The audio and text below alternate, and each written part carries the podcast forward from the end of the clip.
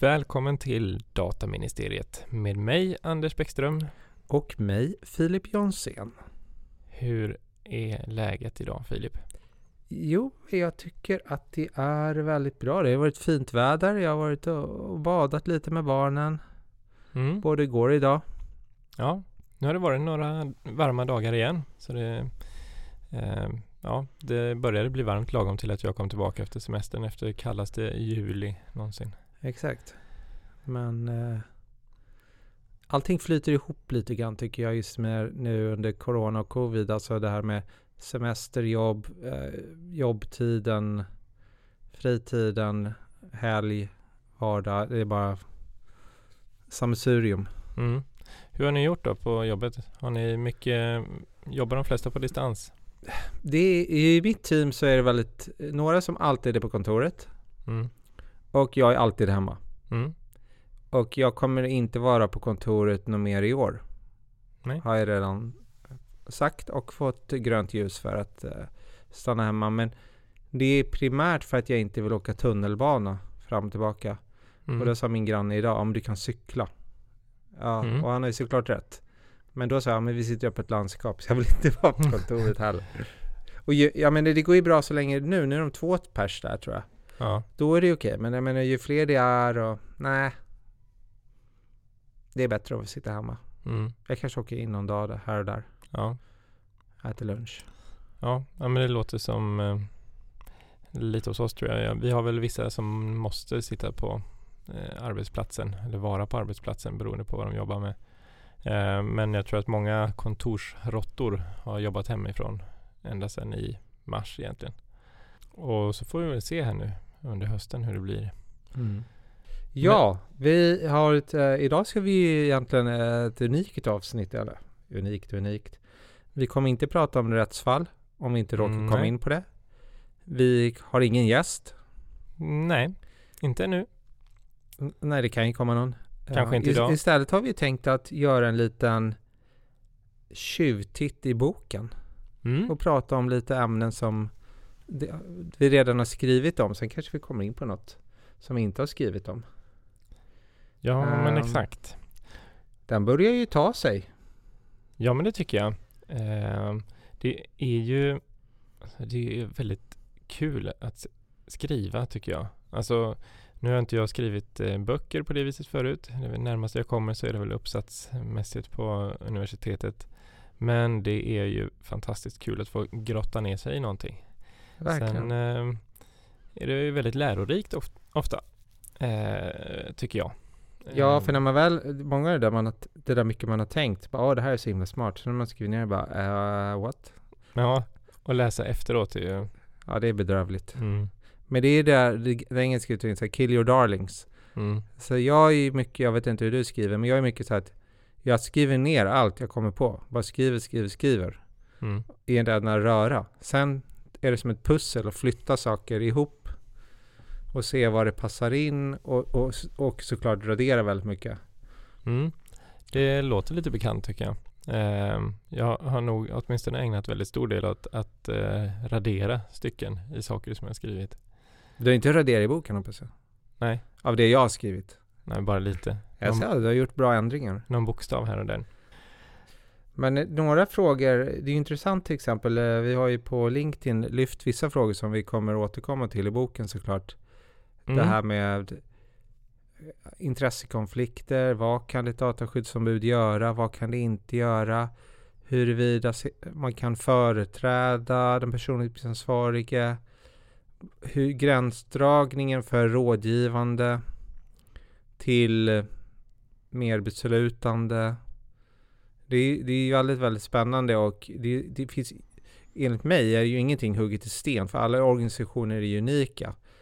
Och jag tror att man kan ju i och för sig sätta på sig någon typ av så här väldigt sträng ortodox tolkning av dataskyddsförordningen.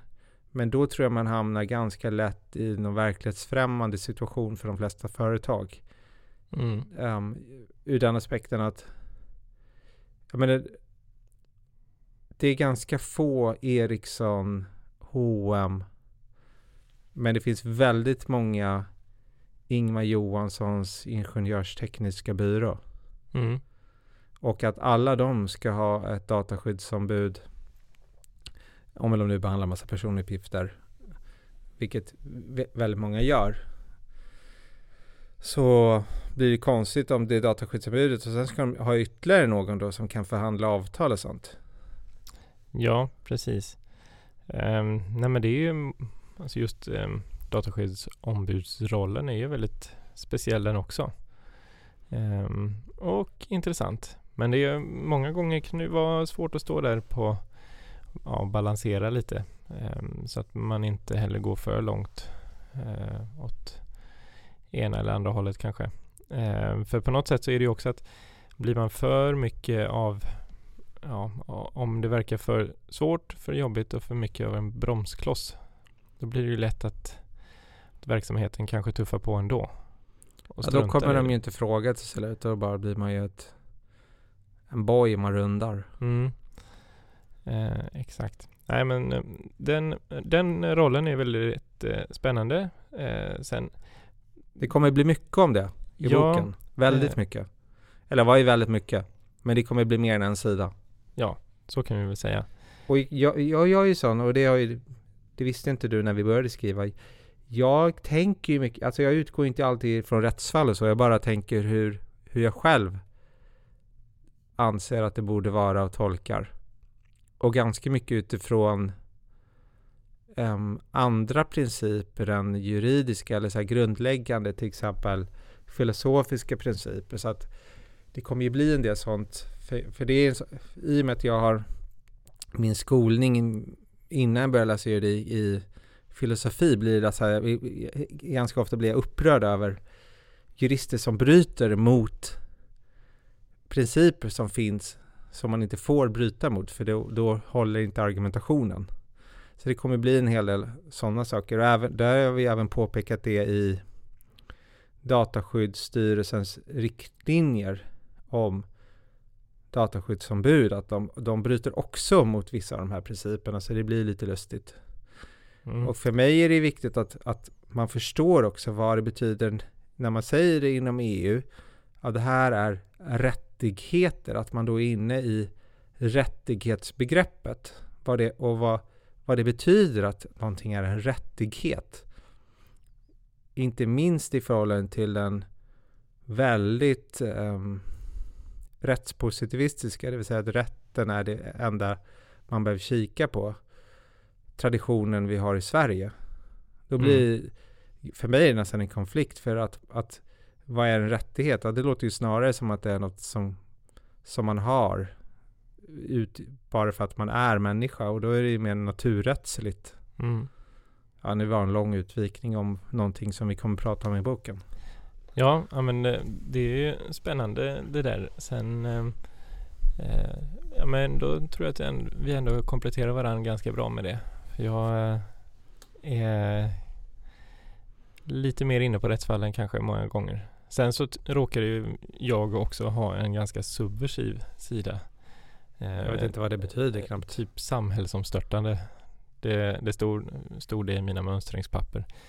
Um, och det kan ju vara så att jag ändå utgår från rättsfall men ofta har jag kanske en egen åsikt eller så. Men då blir jag så nyfiken, är det något rättsfall där du har haft en annan åsikt av de som, ja men de lite mer kända fallen? Eller något som vi har pratat om tidigare? Nej, inte sådär på rak arm egentligen. Eh, nej, det får jag nog återkomma till. Eh, när det varit någonting sånt. Jag tänker mer kanske eh, rättsfall i allmänhet eh, i stort om man säger så. Sen, sen eh, eh ja, alltså om man bara ja, från toppen av medvetandet eh, så ja, men om vi tänker på förra veckans avsnitt med Heathrow och ICO så tycker jag kanske att samtycket där, eller förslaget där som vi diskuterade att det var ganska konstruktivt. Ja men det skulle jag kunna tycka är extremt tydlig viljemässig handling. Mm. Um, sen är det möjligen då med själva informationen om den, om den var tillräcklig eller inte. Det, det ska jag väl inte säga så mycket om. Men just att handlingen som sådan borde kunna vara tillräckligt för att visa att man samtycker till någonting. Och där tänker jag att vi i boken kommer gå in på olika former av eh, handlingar som borde i alla fall i vissa situationer vara okej. Okay. Ja, men det... det I exempel här tänkte jag. Ja, ja, men det tänker jag också. Ha två köer som de skulle ha mm. eller um, att man om man är villig att uh, använda ansiktskänning tar man av sig sina glasögon om alla har glasögon och så vidare. Mm. Det kanske är lite så här perifert case men Ja, men lite som röda eller blå pillret i Matrix. Eh, men, nej, men vi har ju pratat om det att vårt eh, syfte är att ha en så eh, rätt så att det även då finns eh, utrymme för bakgrund vad gäller filosofi och så vidare så är ju tanken ändå att ha en väldigt praktisk bok. Eh, eller praktiska, ja med mycket exempel och sådana. Eh, och vad har vi mer? Ja, dataskyddsprogram såklart. Mm. Vad ska vi säga om det? Nej men eller jag har alltid upplevt det som en sån där att alla pratar om det att nu är det dags att göra om det här GDPR-projektet till ett dataskyddsprogram. Okej, okay. eh, vad är då ett program? Eh, och sen då tänker jag att vi vill eh, kunna förklara det på ett förhållandevis lätt sätt på, på svenska först och främst. Ehm, vad som menas med ett sådant och hur man lägger upp ett sådant vad det består i och sådär. Um, för, ja men som sagt, det ska ju vara någonting som folk har nytta av. Uh, det är egentligen det som driver oss även med podden ju. Ja. Att det blir utveckling både för oss egentligen, att vi får sitta och prata med folk som kanske kan mycket mer än, äh, än vi kan. Ja, svårt. Många saker. Um, men att vi också kan förmedla det på något förhållandevis enkelt sätt förhoppningsvis då. Jag förlorade 2500 kronor på att jag var i kontakt med ett annat dataskyddsombud på LinkedIn.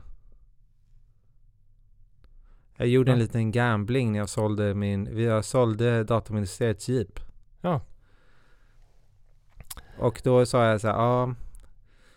Och hans flickvän, nu ska jag inte outa några namn, men hon, om hon lyssnar nu så vet hon att, vet ju hon att det är hon.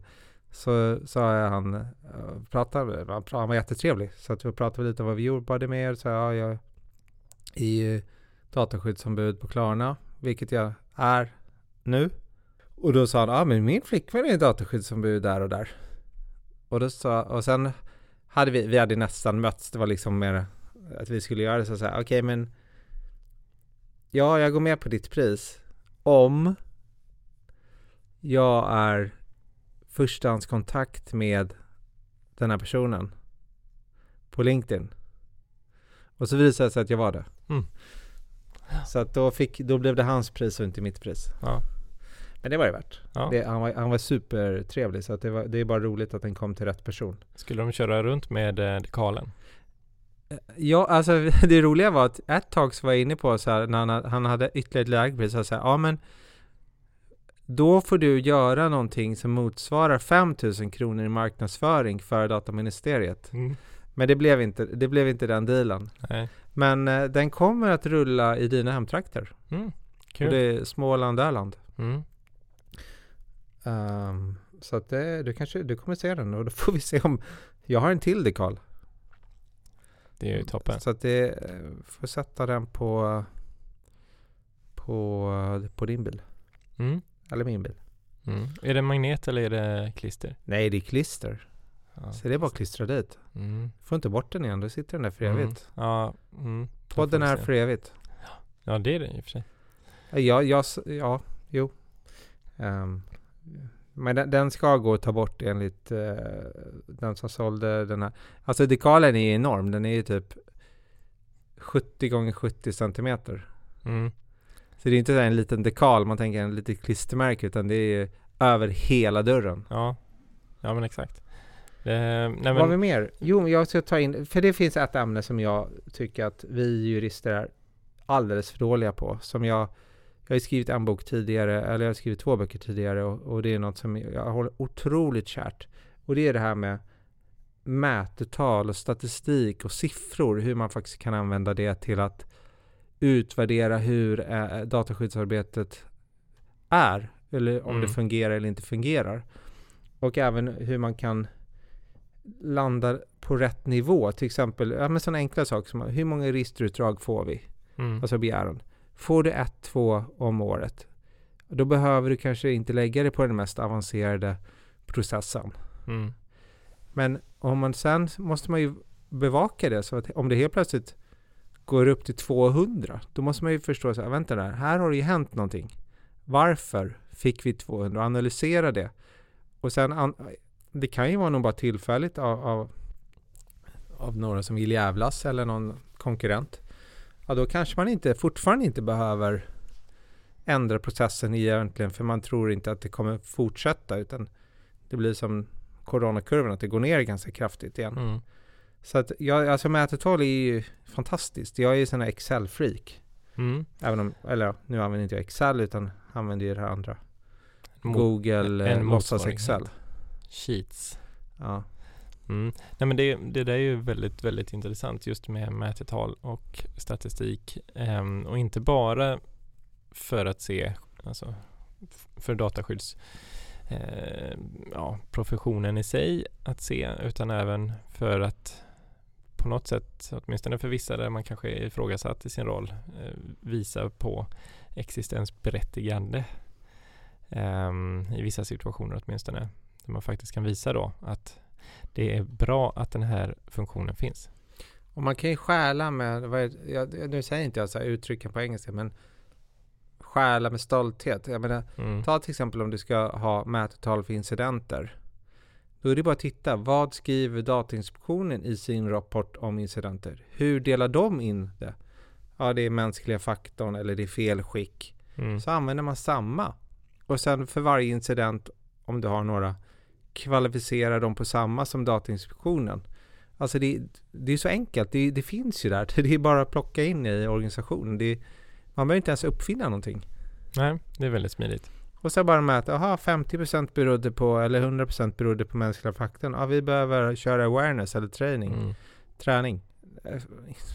Medvetenhet och Ja, det träning. roliga var att jag, var, jag tittade på så här awareness när jag skrev lite i boken om det. Och, ehm, och accountability såklart. Vi, och båda de orden, för att både awareness och accountability på engelska, jag tycker inte att medvetenhet och vad är det heter nu?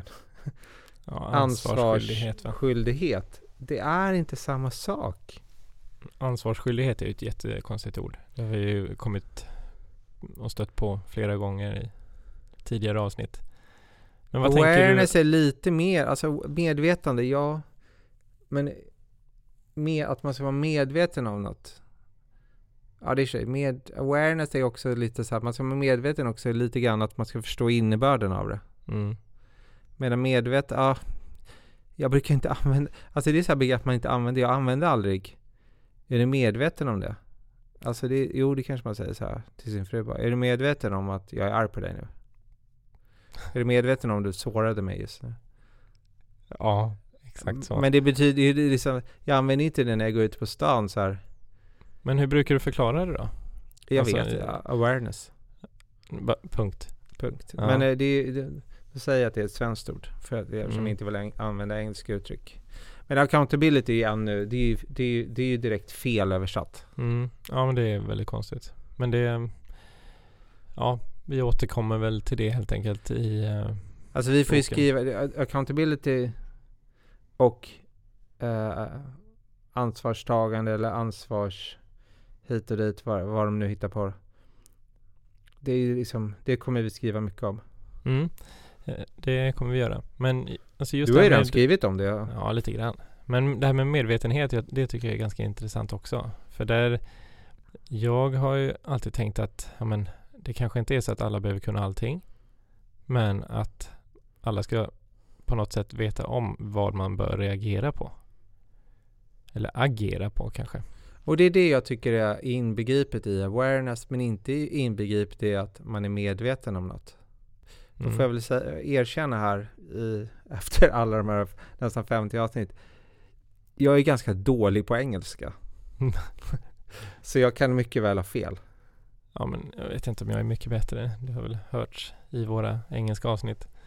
Nej, jag tänkte att jag skulle kolla ansvarsskyldighet. Alltså, nej. Nu, nu pratar vi inte mer om det. Vi kommer också i boken gå in ganska mycket på hur man övervinner åhöraren eller mottagaren av en rapport. Alltså hur man ska först identifiera vem är rapporten till? Mm. Hur är den människan? Är det en människa som tycker om att göra rätt? Är det en människa som drivs bara av ekonomiska saker? Är det en människa som är så att säga risktagande eller riskavert? Och eh, hela den biten. Och vi kommer också gå in i det här skillnaden i att ibland kan en bild säga mer än tusen ord. Mm. Men ibland är en bild ganska intetsägande och svårbegriplig. Mm.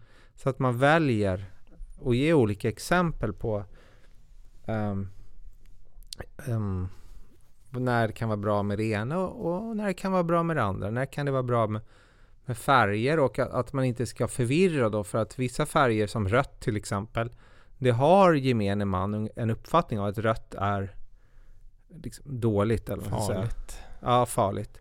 Medan grönt är bra, så man ska inte helt plötsligt kasta om färger och så. Och, och gult Mm. har många en uppfattning om att det är någonstans här i mitten. Så man ska ändå, jag, jag är väldigt stark förespråkare för att använda sådana färger. ehm, Mm. som, som det finns ett allmänt medvetande om. Men då ska man komma ihåg att tänk om man går till ett samhälle där det kanske är annorlunda. Nu, nu vet inte jag om just färger är annorlunda. Men man måste ju vara på sin vakt alltid i det där. Och det har vi varit inne på mycket förut, där med kulturella skillnader. Mm. Ja men det är ju väldigt, alltså det är ju verkligen superintressant. Nu tror jag alla tänker här, att, gör den här, att han tänker för mycket. Och det gör jag säkert. Jag tror att jag även analyserar ganska mycket. Ibland är det väl bättre att bara köra på. Men det är väl på gott och ont. Men jag Sen tänkte gammalt. bara, jag vill, jag vill ändå droppa, det låter så här otroligt pretentiöst nu. Men det, jag, det, jag bjuder på det. Och det, det finns ju då två pr- principer som jag håller väldigt varmt om hjärtat inom filosofin. Mm. Och den, den ena kallas Humes lag, Mm. alltså David Hume, Mm. filosofen. Och, och det går ju ut på, eller eh, som man brukar kalla det på svenska i alla fall tror jag, man kan inte härleda bör från är. Det vill säga, fakta betyder inte att någonting är rätt. Så du kan inte titta på hur någonting är och säga det bör också vara så. Men vad är det då? För, för mig som inte är lika filosofiskt lagd. Är det så här att ja, men jag har sett ett svart golv att, och det vet jag att det faktiskt är svart. Och då kan jag inte dra slutsatsen att alla andra golv är svarta. Nej, det är det andra. Det är det andra. Det är induktionsslut. Det är, då är ju, ja, vi kan börja med det istället. Det är ju det klassiska att du, och det är ju hur människan funkar för att man ska kunna leva. För att om man inte gjorde det så Mm. skulle det bli otroligt jobbigt. Mm. Ja, men det, det klassiska exemplet är ju svanar. Ehm, de flesta av oss har bara sett vita svanar. Förutom Mm. på bild. Och under lång, lång tid så ska man komma ihåg att man inte reste så jättemycket. Och inte så långt. Mm. Därför var det ganska lätt att dra slutsatsen. Alla svanar är vita. Utifrån det man har sett. Mm. Men sen visar det sig att det finns svarta svanar i Australien. Och då, då har man ju uppenbarligen gjort ett felslut innan. Mm. Så det, det är många av de här lo, logiken, hur, hur man tänker. Likadant som att du kanske har sett bara svanar i ditt liv som är vita. Därför när du ser en annan fågel som är vit så kanske du tänker ja det där är också en svan. Mm. Men det behöver ju inte vara så. Alltså, det, det handlar ju liksom där ifrån. Man måste förstå hur man kan göra en korrekt slutledning. Och det, var ju det, de hade, det är ju det de har gjort fel i den här riktlinjen. De har ju hoppat över massa led i sin slutledning utifrån de olika liksom satserna de har ställt upp då. Och det, i det fallet som vi skriver om, som jag tror jag kanske har skrivit om på LinkedIn, är ju huruvida dataskyddsombudet också kan vara ansvarig för registerförteckningen. Mm. Där har ju styrelsen gjort ett felslut.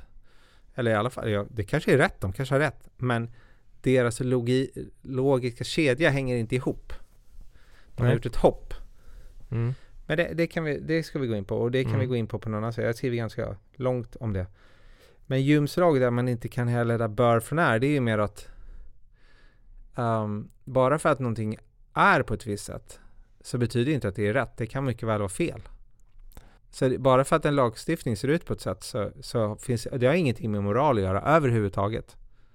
Det bara är, om man kan säga. Och det är, där kan man väl säga det här med att svenska jurister nu kommer jag säkert massor med människor hoppa på mig. Men generellt är svenska jurister ganska ointresserade av det bakomliggande, bakom lagstiftningen. Det är bara, jag minns själv när jag läste på universitetet att de kurserna som kanske hette typ rättshistoria, rättsfilosofi eller rätts någonting. Det var ju Mm. så här paria och typ en poäng eller någonting. Mm.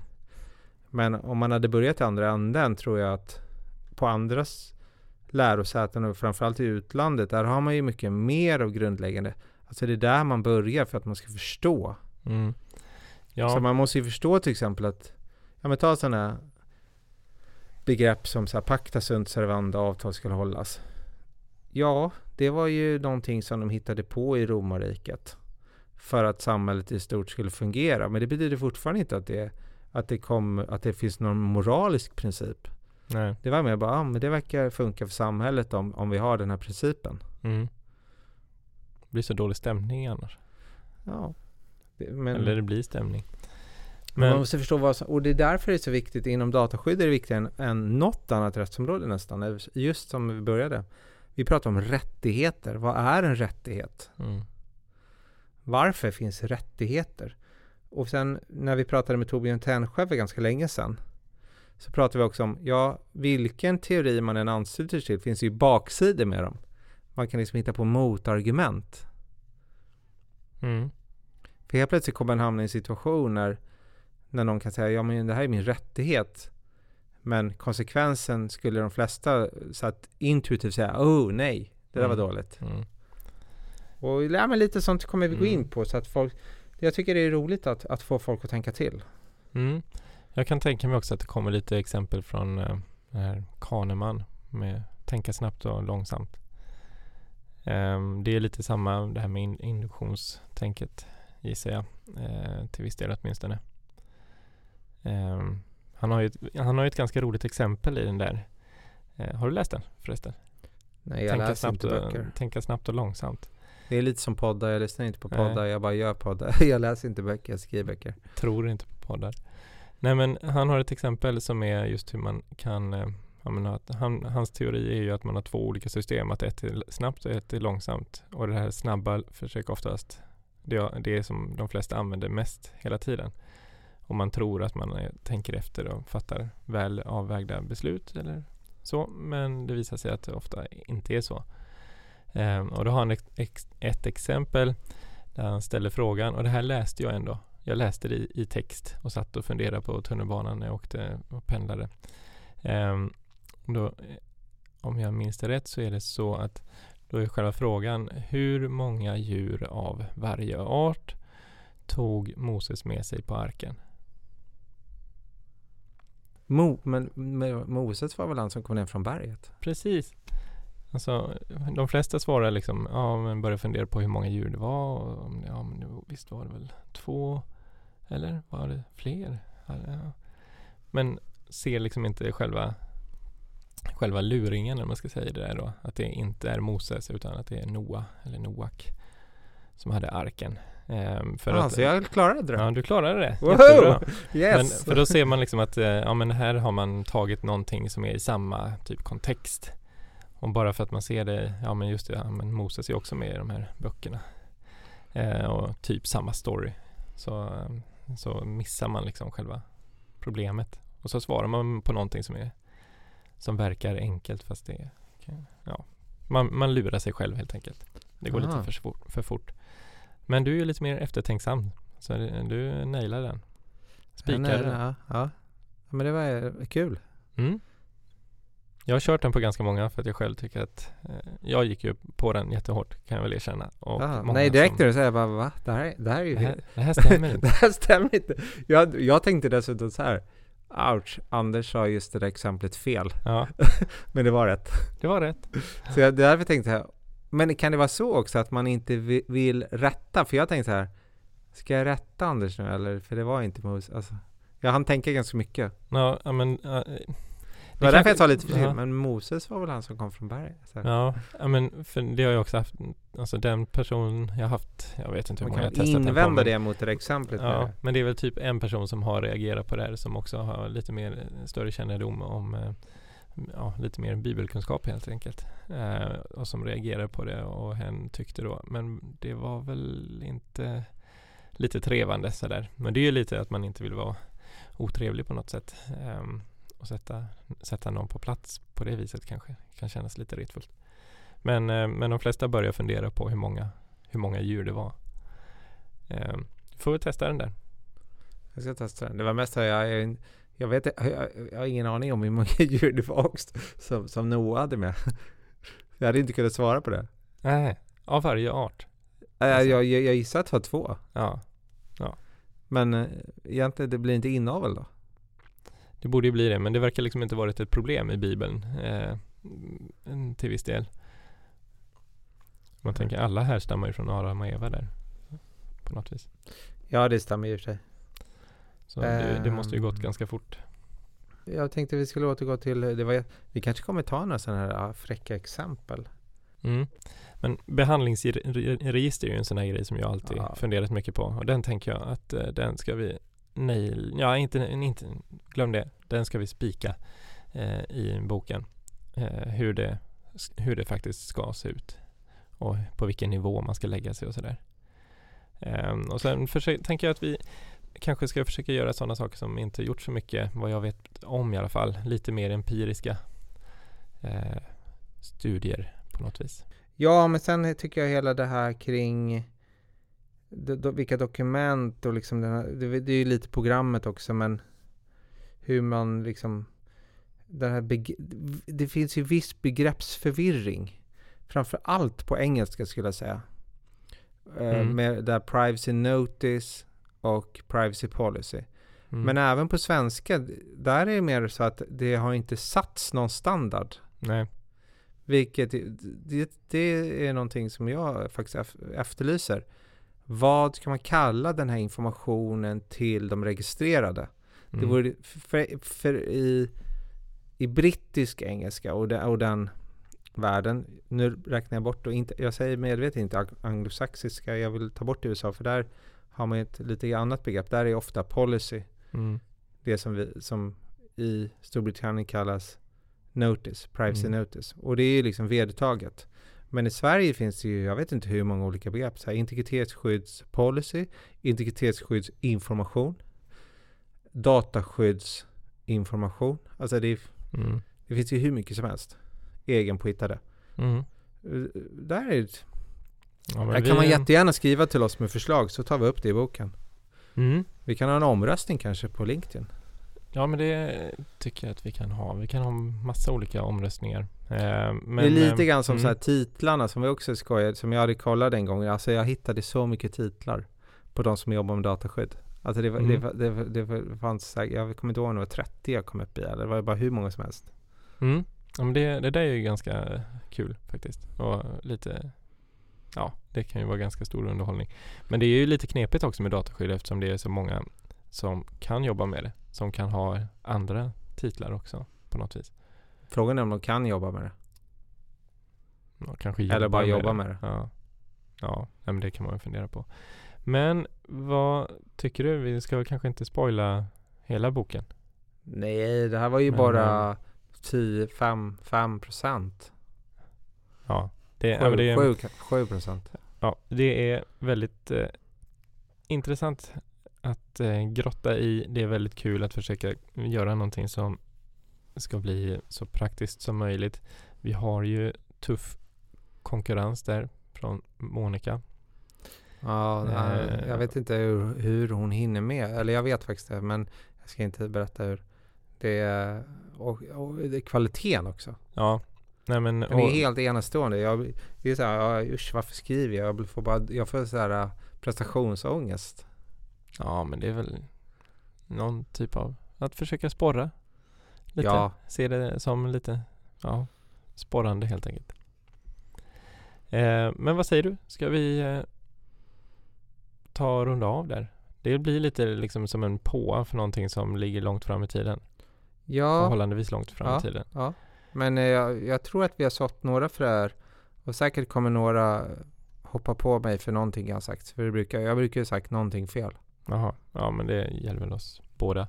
Men eh, skulle det vara någon som tycker att det är någonting som saknas i böcker som finns om dataskydd eh, och ni tycker då att ni dessutom vill se det i vår bok får ni ju såklart höra av er eh, till oss. Antingen via LinkedIn eller på info dataministeriet.se.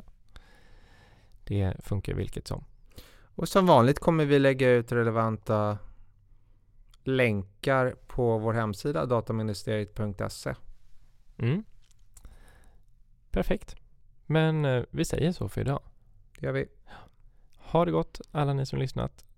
Tack för Tack. idag. Hej.